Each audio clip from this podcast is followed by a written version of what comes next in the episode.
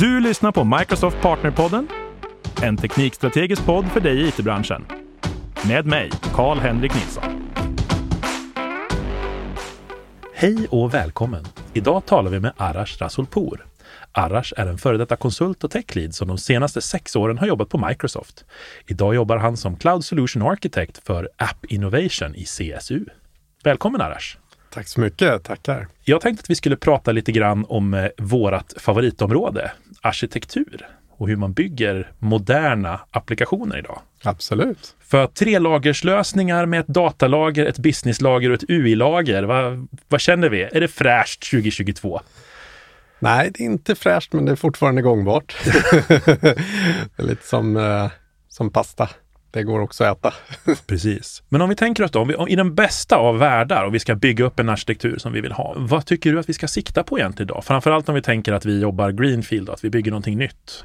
Ja, när man bygger nytt, då är det också, har man ju fördel, för då kan man kanske tänka nytt. Ofta är det arkitekturen som borde avspegla egentligen hur man jobbar med människor och så vidare. Och då har man möjlighet att förbättra hela den processen. För ofta är det är själva människor och processer som gör att det går lite långsamt och man kanske inte får exakt det man vill ha. Medan molnarkitektur gör att man behöver inte vara så statisk i sin tanke, utan man kan vara mycket mer flyktig.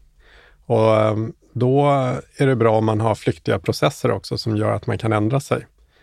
Ibland brukar man säga att man ska liksom starta och, och fail fast och så vidare. Och eh, molnet öppnar de dörrarna på ett helt annat sätt än vad det gör om man hade byggt det om Ja, precis. Ger den här möjligheten att experimentera. Exakt. Jag, jag tycker om det också, just att man kan gå mellan så mycket olika lösningar. Det är liksom så här, ja men det kan kanske förut vara en VM och ett kronjobb. Det är en Azure Function idag. Och, alltså man kan inte plocka de pusselbitar man, man behöver. Exakt. Man behöver inte göra så stor grej av ett sånt test eller pröva på, utan det kan vara kanske 45 minuter utveckling och sen så har man, vet man svaret om man ska gå den vägen eller inte. Typ så. Vi har ju pratat om det här ganska mycket du och jag, liksom, att det tenderar att vara, det var någon i vårt V-team som sa den bevingade orden att eh, månader av möten kan bespara dig minuter av kodande eller någonting sånt där. Exakt så är det. Eh, och det brukar bli bättre om man har en lite snabbare och tätare kommunikation mellan tekniker och affären. Och då har kanske lite mindre fasta boxar runt det. Så i princip då att man kan ändra sig och testa olika saker. Ganska enkelt och det, det brukar vara allmänt så man brukar beskriva liksom den agila processen och så vidare. Och den passar ju väldigt bra. Jag tror att tidigare så har man liksom tittat på molnet och sagt oj, titta vad häftigt det är. Vi kan sätta upp de här grejerna ut jättesnabbt. Eh, det som händer nu är nog snarare att man istället för bara titta på de specifika komponenterna så tittar man också mer på helheten. Alltså vad, vad är det vi ska göra i stort perspektiv? Vi kanske inte bara ska ha Azure Functions och Service Bus. Vi, vi ska ha lite andra saker också, eller vi ska titta på helheten. Och då kommer hela den där agila biten in också. Men tror du inte att man håller sig lite gisslan också om man har, om man har som, som du och jag då, som har ganska många år i branschen, att man kommer ifrån den monolitiska tanken. Alltså jag tyckte det var jättesvårt att bryta ut att inte allting kan lösas av en applikation. och komma ifrån det tankegången till att okej, okay, men här borta har vi en tjänst, här borta har vi lite kronjobb, här borta har vi en, en webbapplikation och den hämtar information från tre, fyra olika tjänster för att presentera. Alltså, är du med vad jag menar? Mm. Liksom att jag tycker det var svårt att bryta mig loss ur det tankemönstret när jag jobbar med molnet. Jo, eh, det är det. Och eh, molnet tvingar en egentligen till att tänka lite mera i små muttrar och skruvar än i stora block. Vilket är väldigt bra då, för att det blir mycket lättare. När komplexiteten ökar så är det mycket bättre att ha massor med små komponenter som man kan, som är isolerade, än att ha stora block som man behöver eh, liksom knöka in mer och mer strunt i och till slut så är det sladdar överallt och ingen vet vilken sladd som går var och klipper man av någon så rasar allting. Liksom. I princip så är det väl i varje mjukvaruprojekt så är det alltid lättare att börja bygga en monolit. Det går snabbare. Men det är sen när komplexiteten ökar, det är då man kör fast. Precis, för egentligen så kan man säga att det är ju inget fel på en monolit. Alltså om, om vi säger så, det är helt okej okay att bygga en traditionell monolitisk lösning. Eh, det finns massor med arkitekturella mönster där det faktiskt blir riktigt trevlig arkitektur att jobba med också. Det är bara att när den växer och blir det var någon som hade det, något gammalt barnboksuttryck för den allvetande skräphögen. Jag vet inte var det kommer ifrån. Men, men det blir liksom lite det i slutändan, att man har en applikation som verkligen gör allt inklusive starta kaffebryggaren på morgonen. Eh, och jag tror inte att den mänskliga hjärnan klarar av liksom att ta, ta till sig 200 000 rader kod och veta var alla moduler och allting kommer ifrån. Liksom. Nej. Nej, så är det ju. Och, och det blir också svårt att skala ut i flera team, om man nu, eller flera utvecklare, beroende på hur stort det är. Och den här skalningsfaktorn, den är enormt kraftfull om man får till den. Uh, och då går det ju väldigt, väldigt mycket snabbare. Hur tycker du man ska tänka där då? När man just för att det ska bli väldigt för det är en sak att prata skalbart i molnet. Vi kan gärna komma tillbaka till det sen. Men, men just när man ska skalbart i flera team. För det tror jag är många som har svårt att få till det egentligen. Ja, jag tror att det är allmänt svårt att få till det. Till viss del så finns det ju ett visst skimmer runt det där att för att man skalar ut och har oberoende komponenter och så är allting bara rakt fram. Men riktigt så är det inte, utan jag, jag tycker att det som du beskrev förut, den kommentaren var eh, fantastisk. Alltså det, det är verkligen huvud på spiken. Det är det här med räntan och ditt legacy. Du tänker teknisk skuld? Precis. Och, det, och jag tror att den principen, den är genomgående oavsett vad du jobbar i. Så jag tycker om den. Det är liksom en, någonting som man alltid kan ta med sig. Precis. Får man för mycket teknisk skuld så då, då tar det för lång tid att jobba på projektet. Men man kommer behöva lite teknisk skuld för att det ska kunna röra sig framåt överhuvudtaget. man kan inte bygga perfekt arkitektur egentligen. Precis. Du vill inte betala av lånet direkt, för då har du inga pengar att investera. Precis. Eh, så att du vill ha lite, lite lån, Eh, men inte för mycket, för att då kommer du bara betala av på lånet. Så eh, jag tycker den liknelsen är fantastisk. Jag, jag, jag, gillar verkligen den. Så den tycker jag, den går igenom allting. Sen så om man tar större och agila team så är det nog så att eh, i början av eh, när man börjar skala ut så bru brukar det gå ganska bra. Det är väl sen när man får väldigt många team och sen så helt plötsligt så kommer de på att de kanske ska ha lite beroende mellan varandra. Och då får man en mesh mellan de här teamen. Och det kan bli återigen då en distribuerad monolit, vilket är svårt att hantera. Så där bör man tänka till. Och jag har väl inget riktigt jättebra svar på det, men jag har sett eh, att man slår snubbeltråd på sig ibland när man har kommit upp till en viss skala. Ja, men jag har också sett det där och det, det är som du säger, alltså, jag tror inte att det finns någon, någon, någon sån här enkel silver bullet lösning där, utan jag tänker och jag vet ju att vårt eget, både du och jag jobbar för Microsoft så här, och jag vet att vi har haft folk som stått på scenen och bara, åh med microservices så kan du skriva det alla olika funktioner i massor med olika språk och du kan ha Go och Java och C-sharp och allt möjligt i samma arkitektur. Men det kanske inte alltid är jättebra att ha sex olika språk i en lösning. Nej, precis. Man måste hantera människor också, kompetens och så vidare. Precis, och jag menar domänkunskapen är, den är fasen inte underskattad. Nej, det är den inte. Det är det verkligen inte. Men hur tänker du där? För jag vet att vi har ju, vi har ju liksom lite olika, men det finns eh, servicer som kommunikerar. För jag vill prata om servicekommunikation då som är ett ganska vanligt arkitekturellt problem. Hur pratar min tjänst med dig och så vidare. Det finns ju ganska mycket svårigheter där. Ja, autentisering, hur ska de kommunicera med varandra och veta att den här får kommunicera med mig? Eh, ska de prata HTTP? Ska de prata eh, CQRS? Ska de prata eh, köer? Ska de prata MQTT? Något telemetriprotokoll? Det finns ju så mycket olika val där. Ja, det finns eh, nästan för mycket val.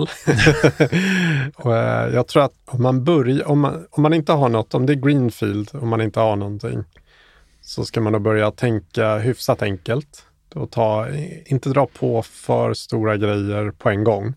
För att då kommer man sitta och klia sig i huvudet och det, vissa tekniker är ju fortfarande lite omogna och kanske lite, lite svåra att hantera. Speciellt eh, om man är ett mindre team och vill komma fram snabbt. Så att eh, jag, jag, tror att principiellt så, så är det väl bra att hålla sig till hyfsat enkla, men se till att det är säkert Att, eh, om det är säkerhet om man ska uppnå till exempel. Så att eh, se till att man är, kanske inte komplicerar det i början. Sen är det alltid bra att tänka framåt. Så om man till exempel skulle se det som att man har eh, väldigt komplexa strukturer i form av autentisering och authorization och så vidare. Om det redan existerar i din domän och du behöver lösa det, då är det nog bra att tänka till innan så att man kanske börjar bygga på någonting som det finns en framtid i. Eh, så att man inte börjar för snabbt. Men har man någonting som kanske inte är superkristallklart vad det är för något, då är det nog bra att börja med något enkelt. Eh, vi har ju Azure Active Directory. Eh, det finns ju B2C. Och, ja, just, identitetslösningen tänker ja. du där. Uh, och sen så finns det ju massor med mekanismer i, inbyggt i själva Azure också, Managed Identity och så vidare. Uh, där man liksom lägger typ av uh, liksom säkerhet eller liksom sånt utanför programkod. Och, och, mycket verktyg också tänker jag som kan hjälpa med Dapper och hela, det, hela den flödet ja. om man bygger distribuerad tjänstemodell. Liksom. Absolut. Jag, jag, tror också, jag vet inte vad du tycker där, men jag tänker alltså att det kan vara ganska vettigt att eh, inte förutsätta, om man själv förstår hur man tänker att jag förstår hur man bygger en distribuerad servicemodell. Jag tror att man ska nog vara lite ödmjuk också för att man kanske är ganska själv om att ha en riktigt bra bild om det. För jag, jag tror att det kan vara ganska bra ibland också att investera lite tid innan man sätter igång med att se till att alla liksom är med på tåget av vad vi ska bygga och hu hur vi ska bygga. Annars tror jag det är lätt att man, precis som du säger, det blir väldigt komplext. Så är det och det blir just om vi tar just identitet som ett exempel då, så ofta, även om du har skalat ut din domän och eh, den är väldigt liksom, du kanske har multipla team, det vill säga att du har tio team som jobbar med tio olika projekt eller eh, initiativ parallellt. Och eh, det går med all världens fart. Men ofta då om man har identitet som, den blir en gemensam faktor i de här tio, om alla ska hantera det.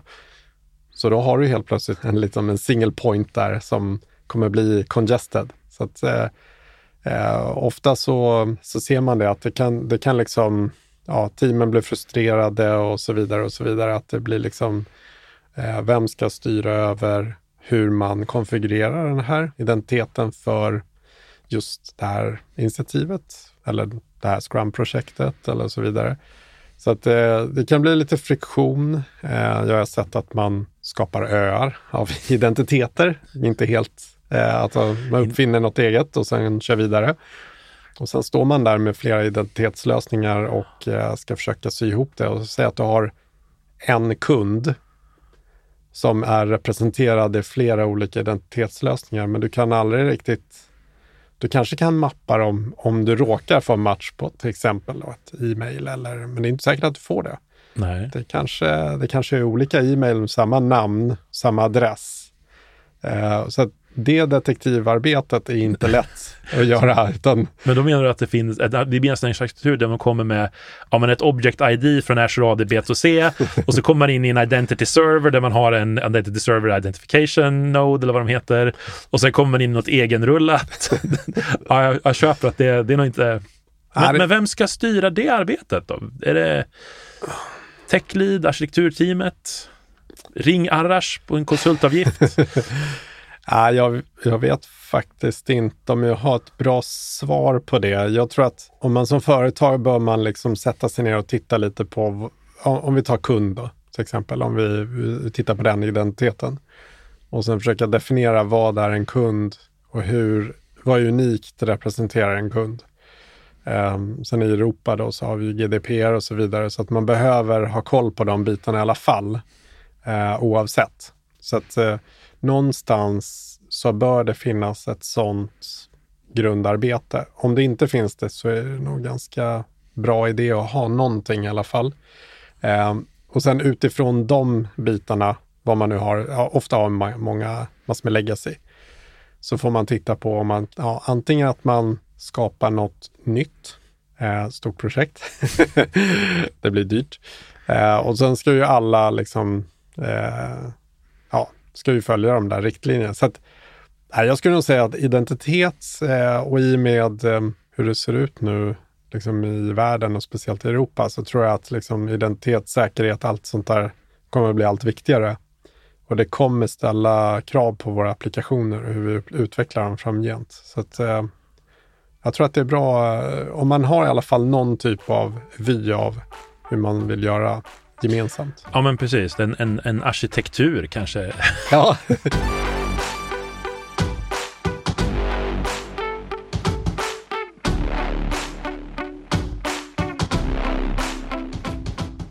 Jag tror att det var någon gång på mitten av 2000-talet som jag upptäckte att kanske arkitektens tillbakadragande från teamet, kan man, kan man säga så? Och, och nu känns det som att teamet har fått tillbaka mycket av den, det ansvaret. Att nu måste man, nu är man tech lead, nu har man ansvaret för sin arkitektur igen. Mm. Och, och för, för, jag tänker så här tillbaka, Enterprise-tiden, när vi, var, när vi var unga och hippa. Då hade man ju liksom någon som satt där i sitt Ivory Tower och bestämde allting och här får du din change request och det var 90-talet liksom. Sen försvann ju de. Och så kanske det var ett tag av accidental architecture där man lät utvecklarna göra lite vad som helst egentligen och det kanske blev precis som vi beskrev med många olika identitetslösningar och lite krångliga mm. grejer. Och nu har man ju gått tillbaka lite grann, upplever jag det i alla fall, till att man kanske har en arkitekt, men de är kodande arkitekter, de sitter ute och, i teamen liksom och sådär. Men man kanske har tappat lite grann den här övergripande vyn som, som ändå är bra att ha. Mm. Jo, men exakt så är det. Och det blir ju en balansgång. Alltså pendeln slår fram och tillbaks. Från centralisering till decentralisering och så tillbaks. Men förhoppningsvis så kanske vi hamnar i något typ av jämviktsläge där vi behöver sådana som sitter i det här Ivory Tower, men som inte sitter på molnfri höjd, utan eh, istället för att säga nej till förslag, att de faktiskt kommer med, eh, alltså med förslag hur man ska lösa det eller driver fram en, en fråga eller liksom en diskussion runt det. Eh, lite så ser jag också så med säkerhet rent generellt på företag att de har typiskt bara sagt nej till förslag men aldrig kommit med lösningar. Eh, och jag tror att liksom framgent så behöver alla de här centrala funktionerna, om det är säkerhet, identitet och så vidare, så behöver vi några som är, de kanske är tech i sitt område, men som kommer kikar in i projekten och sen stödjer dem och kommer med lite förslag. Mm. Istället för att bara sitta och säga, vår princip är att ett request får inte gå ut, eller får inte komma in, det får, måste gå ut från den här, liksom alla de där. Mm. Eh, istället för att säga så här, men så här skulle vi kunna lösa det, kanske. Mm. Så jag tror att eh, arkitekterna i det här eh, tornet behöver bli mycket mer tekniskt kunniga och eh, kanske lite mer utvecklarnära. Mm. Och sen så utvecklarna kanske också behöver lyfta blicken lite och bli lite mera arkitekter. Jag, jag, tror ibland att det kan vara, jag tror att du har alldeles rätt i det. Man behöver liksom kanske istället för att sitta på det Ivory Tower-höjd ska vara lite mer flygledare. Eh, om vi tar eh, just flygledarrollen. Den har ju varit alltså just sådär att man att det bara har varit flygledare i en grupp också. Man kanske har samlat dem i en organisation och sagt här är våra flygledare, här är våra arkitekter. Och de sitter liksom en, enskilt. Jag tror att eh, med eh, liksom distribuerade team och så vidare så behöver man liksom flika in en komponent i varje team som finns Alltså vi tar, vi tar säkerheten, för det är, så, det är så enkelt att ta det exemplet. Så liksom, DevOps har ju blivit DevSecOps. Mm. Och det är en säkerhetskomponent som man har flätat in i DevOps, som egentligen är en central komponent eller central principiell komponent, fast den implementeras i de olika distribuerade teamen. Och då har man liksom flätat in de koncepten i ett distribuerat team som DevSecOps. Och där har man liksom en, det är typiskt en evolution åt det hållet, när man tar något centraliserat och sen flätar in det, det distribuerade. Och då, då tror jag att man lyckas med någonting. Ja, jag håller med dig. Jag, jag tänker tillbaka på, jag pratade med en, en annan utvecklare som är här och spelar in podd. Jag kommer tyvärr inte ihåg hans namn nu. Men han berättade att han jobbar just med ett sånt här säkerhetsteam som bara sa nej. Nej, så får vi inte göra. Och till slut hade han ledsnat, han är ju konsult, så han, liksom, han tänkte jag får väl ett nytt uppdrag. Så till slut så svarade han bara jag är ledsen, vi kan tyvärr inte acceptera ditt nej för det följer inte vår standard av att komma med ett konstruktivt förslag. Så att om du inte kommer med ett bättre nej måste vi tyvärr implementera vårt förslag. Ja.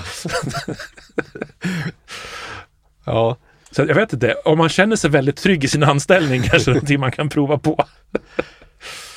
Sen så kommer det ju massor med nya automatiserade verktyg också från Microsoft som gör att det blir mycket lättare, som i GitHub och så vidare. Så vi har så här, liksom code scannings och allt möjligt då, som, som möjliggör att det blir lättare att införa de här ganska jobbiga sakerna att införa för en, liksom en, en grupp utvecklare och kanske en produktägare och en scrum master. Att liksom få fram det snabbt i en produkt. Mm. Bli stressade av då att eh, då kommer det, då ska vi ta hänsyn till allt det här också. Eh, och då nedprioriteras det. Men i och med Microsofts stora satsning på just säkerhet, så, eh, vilket genomlyser alla våra produkter just nu, så tror jag att vi, vi siktar liksom på att göra det mycket lättare att verkligen flika in de här, om vi tar säkerhet då, som en central komponent i de distribuerade processerna, i dis distribuerade mm. utvecklingsprocessen. Och då, ja, då får man bästa of both worlds. Absolut, och det väldigt bra reflektion du kommer. Jag har ju försökt checka in kod någon gång i våra interna repos.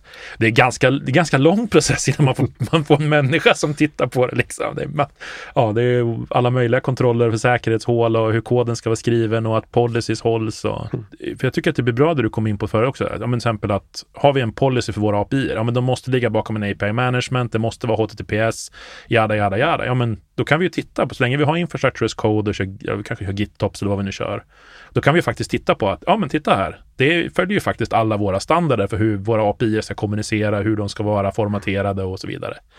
Det blir ju liksom mycket trevligare. Ja, eh, och alltså utvecklare är ju som konstnärer. De, man får inte boxa dem för mycket för då eh, slutar kreativiteten och eh, inspirationen. Och då får du liksom inte din hastighet och du kan inte göra riktigt coola grejer. Så att du behöver någonstans låta utvecklarna att kunna gå besök. Men inom en viss ram. Och då gör ju det Azure Policies och allt sånt här. Alltså man sätter upp guardrails innan. Eh, och det är klart att i vissa fall, så i vissa företag, så sätter man ju upp alldeles för stringenta, liksom, så det blir väldigt, eh, alltså det blir väldigt, väldigt tufft. Men jag tror ändå att själva principen av att göra det minimalt i alla fall, och börja med det, är väldigt viktigt. För då kan man liksom slappna av lite och låta kreativiteten spira. Mm. Och då, då får man liksom en, en väldigt bra eh, balans. Det blir lite som att bowla med de här kanterna uppe liksom. Det, det, det, det är fortfarande möjligt att hamna i rännan, men det blir väldigt mycket svårare. Exakt.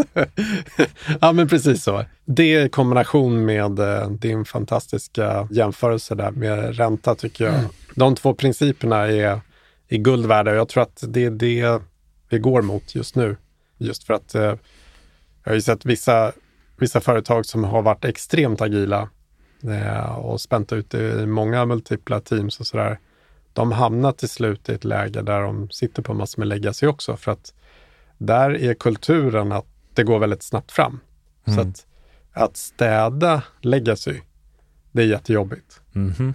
Och eh, det vill man inte tumma på eftersom man har haft en hastighet. Om du säger att du har suttit på eh, highwayen och så, så har du bränt på eh, 110. Att, att du ska liksom gå ner till 80 på en 110-väg. Eh, det, det, det gör ont. Mm. Och så, så alla står och tutar bakom. Liksom. Alltså produktägaren står och säger och skäller liksom, varför gör ni inte det här? Ni, ni, hade ju, ni gjorde ju så här många points förra gången. Liksom. Vad håller ni på med? Uh, så jag tror, jag tror att de sitter i ett annat uh, dilemma. Det är att de har varit väldigt snabba, skapat extremt mycket skuld som egentligen då är egentligen modern skuld för att det är, är molnskuld. Mm. Men molnet går ju så lång, eh, det går ju så snabbt. Det finns ju företag som har liksom suttit, eh, varit tidiga på bollen med molnet, alltså oavsett vilket moln men sitter idag med moln legacy och kommer inte ur det för att de har haft en extremt snabb eh, utveckling. Mm, och nu har man en sån teknisk skuld att, att allt tar tid och är bara jobbigt och, och, och drygt att ändra på. Ja, och i och med att molnet rör sig så snabbt så att de som är fräscha och nya som kanske är de gamla dinosaurierna som hoppar på nu, de får ju modernare saker. Eh, så att då har vi den här liksom ja, förut, äh, två år i molnet blir liksom tio år on-prem eller ännu mer. Liksom. Så det, det är ju skillnad på att köpa in stora system och licenser och sånt och sen sitta och puttra på det i 15 år än att eh, köpa grejer on tap i molnet. Liksom. Jag börjar nästan känna också att tyvärr, att ha gamla grejer och att kanske ha en gammal arkitektur i molnet. Det är oftast det absolut säkraste sättet att se att det blir dyrt. Klagar man över sin cloudkost så är det tyvärr ofta väldigt, en väldigt tydlig indikation på hög teknisk skuld och en, en ganska gammal arkitekturell modell som kanske inte lämpar sig jätteväl för molnet. Nej, precis. Ja, men det, är, det är intressant att se de här skiftningarna faktiskt. Och för de som lyssnar nu och inte har börjat med molnet så är, kanske det låter inspirerande att då kan man börja fräscht och nytt och, och kanske och jag tror verkligen att ta till sig det här med att eh, alltid ha lite skuld men inte för mycket. Så om vi försöker summera ihop vad vi säger då egentligen. Det är så här, ta på dig lite teknisk skuld, men se till att det inte växer för högt, för då kommer du få en ränta i form av tid egentligen, att du kommer få spendera din tid med brandsläckning. Använd det senaste, kan man väl säga, molnet och var inte rädd för att experimentera. Exakt. Tillbaka igen också lite grann teknisk skuld ju. Man mm. experimenterar men, men inte för mycket. Nej. Och, och se till att man sätter upp de här guardrailsen, liksom, att man har ett, ett eh, DevOps-flöde då, som, som faktiskt tillåter dig att vara kreativ och experimentera, men att systemet sätter stopp innan koden kommer för långt fram om den innehåller något farligt. Ja, precis. Alltså bara en sån enkel grej som en connection-sträng som råkar ut eh, och kan följa med ut i ett repo liksom mm. och incheckat. Eh, hela det repot är ju, är ju Pi då. Precis. Det, ligger ju, det spelar ingen roll om du skriver över den connection-strängen. Eller det, det, det, har ingenting med det att göra, utan du måste ju göra en ny connection-sträng. Eh, och sen så se till att den inte åker in i repot igen. Eh, så att allting som åker in i ett repo i form av typ sådana saker, det kan man ju anse som, som ja det, det är redan det är redan liksom någon som har fått tag i, så att då får man ju se till att uh, göra mitigation på det helt enkelt älskar också de gånger jag haft en workshop med Keyvault och gått ut och visat att kolla här, om du sätter upp en connection-sträng för, för din development som du hämtar ut när du jobbar lokalt. Du har en connection-sträng för test, för produktion, för, för alltihopa och så hämtar du in den bara för det du behöver. Då blir det mycket smidigare. Du behöver inte ha någon sån här webb-config-fil eller vad vi nu kör för någonting där du får kommentera av och hålla på med massa strängar. Och jag, jag har aldrig mött någon som inte bara wow, det här var ju mycket smidigare. Mm. så bara sluta med connection strings. Jag ser att eh, klockan börjar, börjar bli mycket. Det var jättekul att få snacka lite molnarkitektur med dig idag, Arash. Tack så jättemycket för att jag fick komma hit. Du har lyssnat på Microsoft Partnerpodden med mig, Karl-Henrik Nilsson. Som vanligt hittar du information och resurser på aka.ms partnerpodden.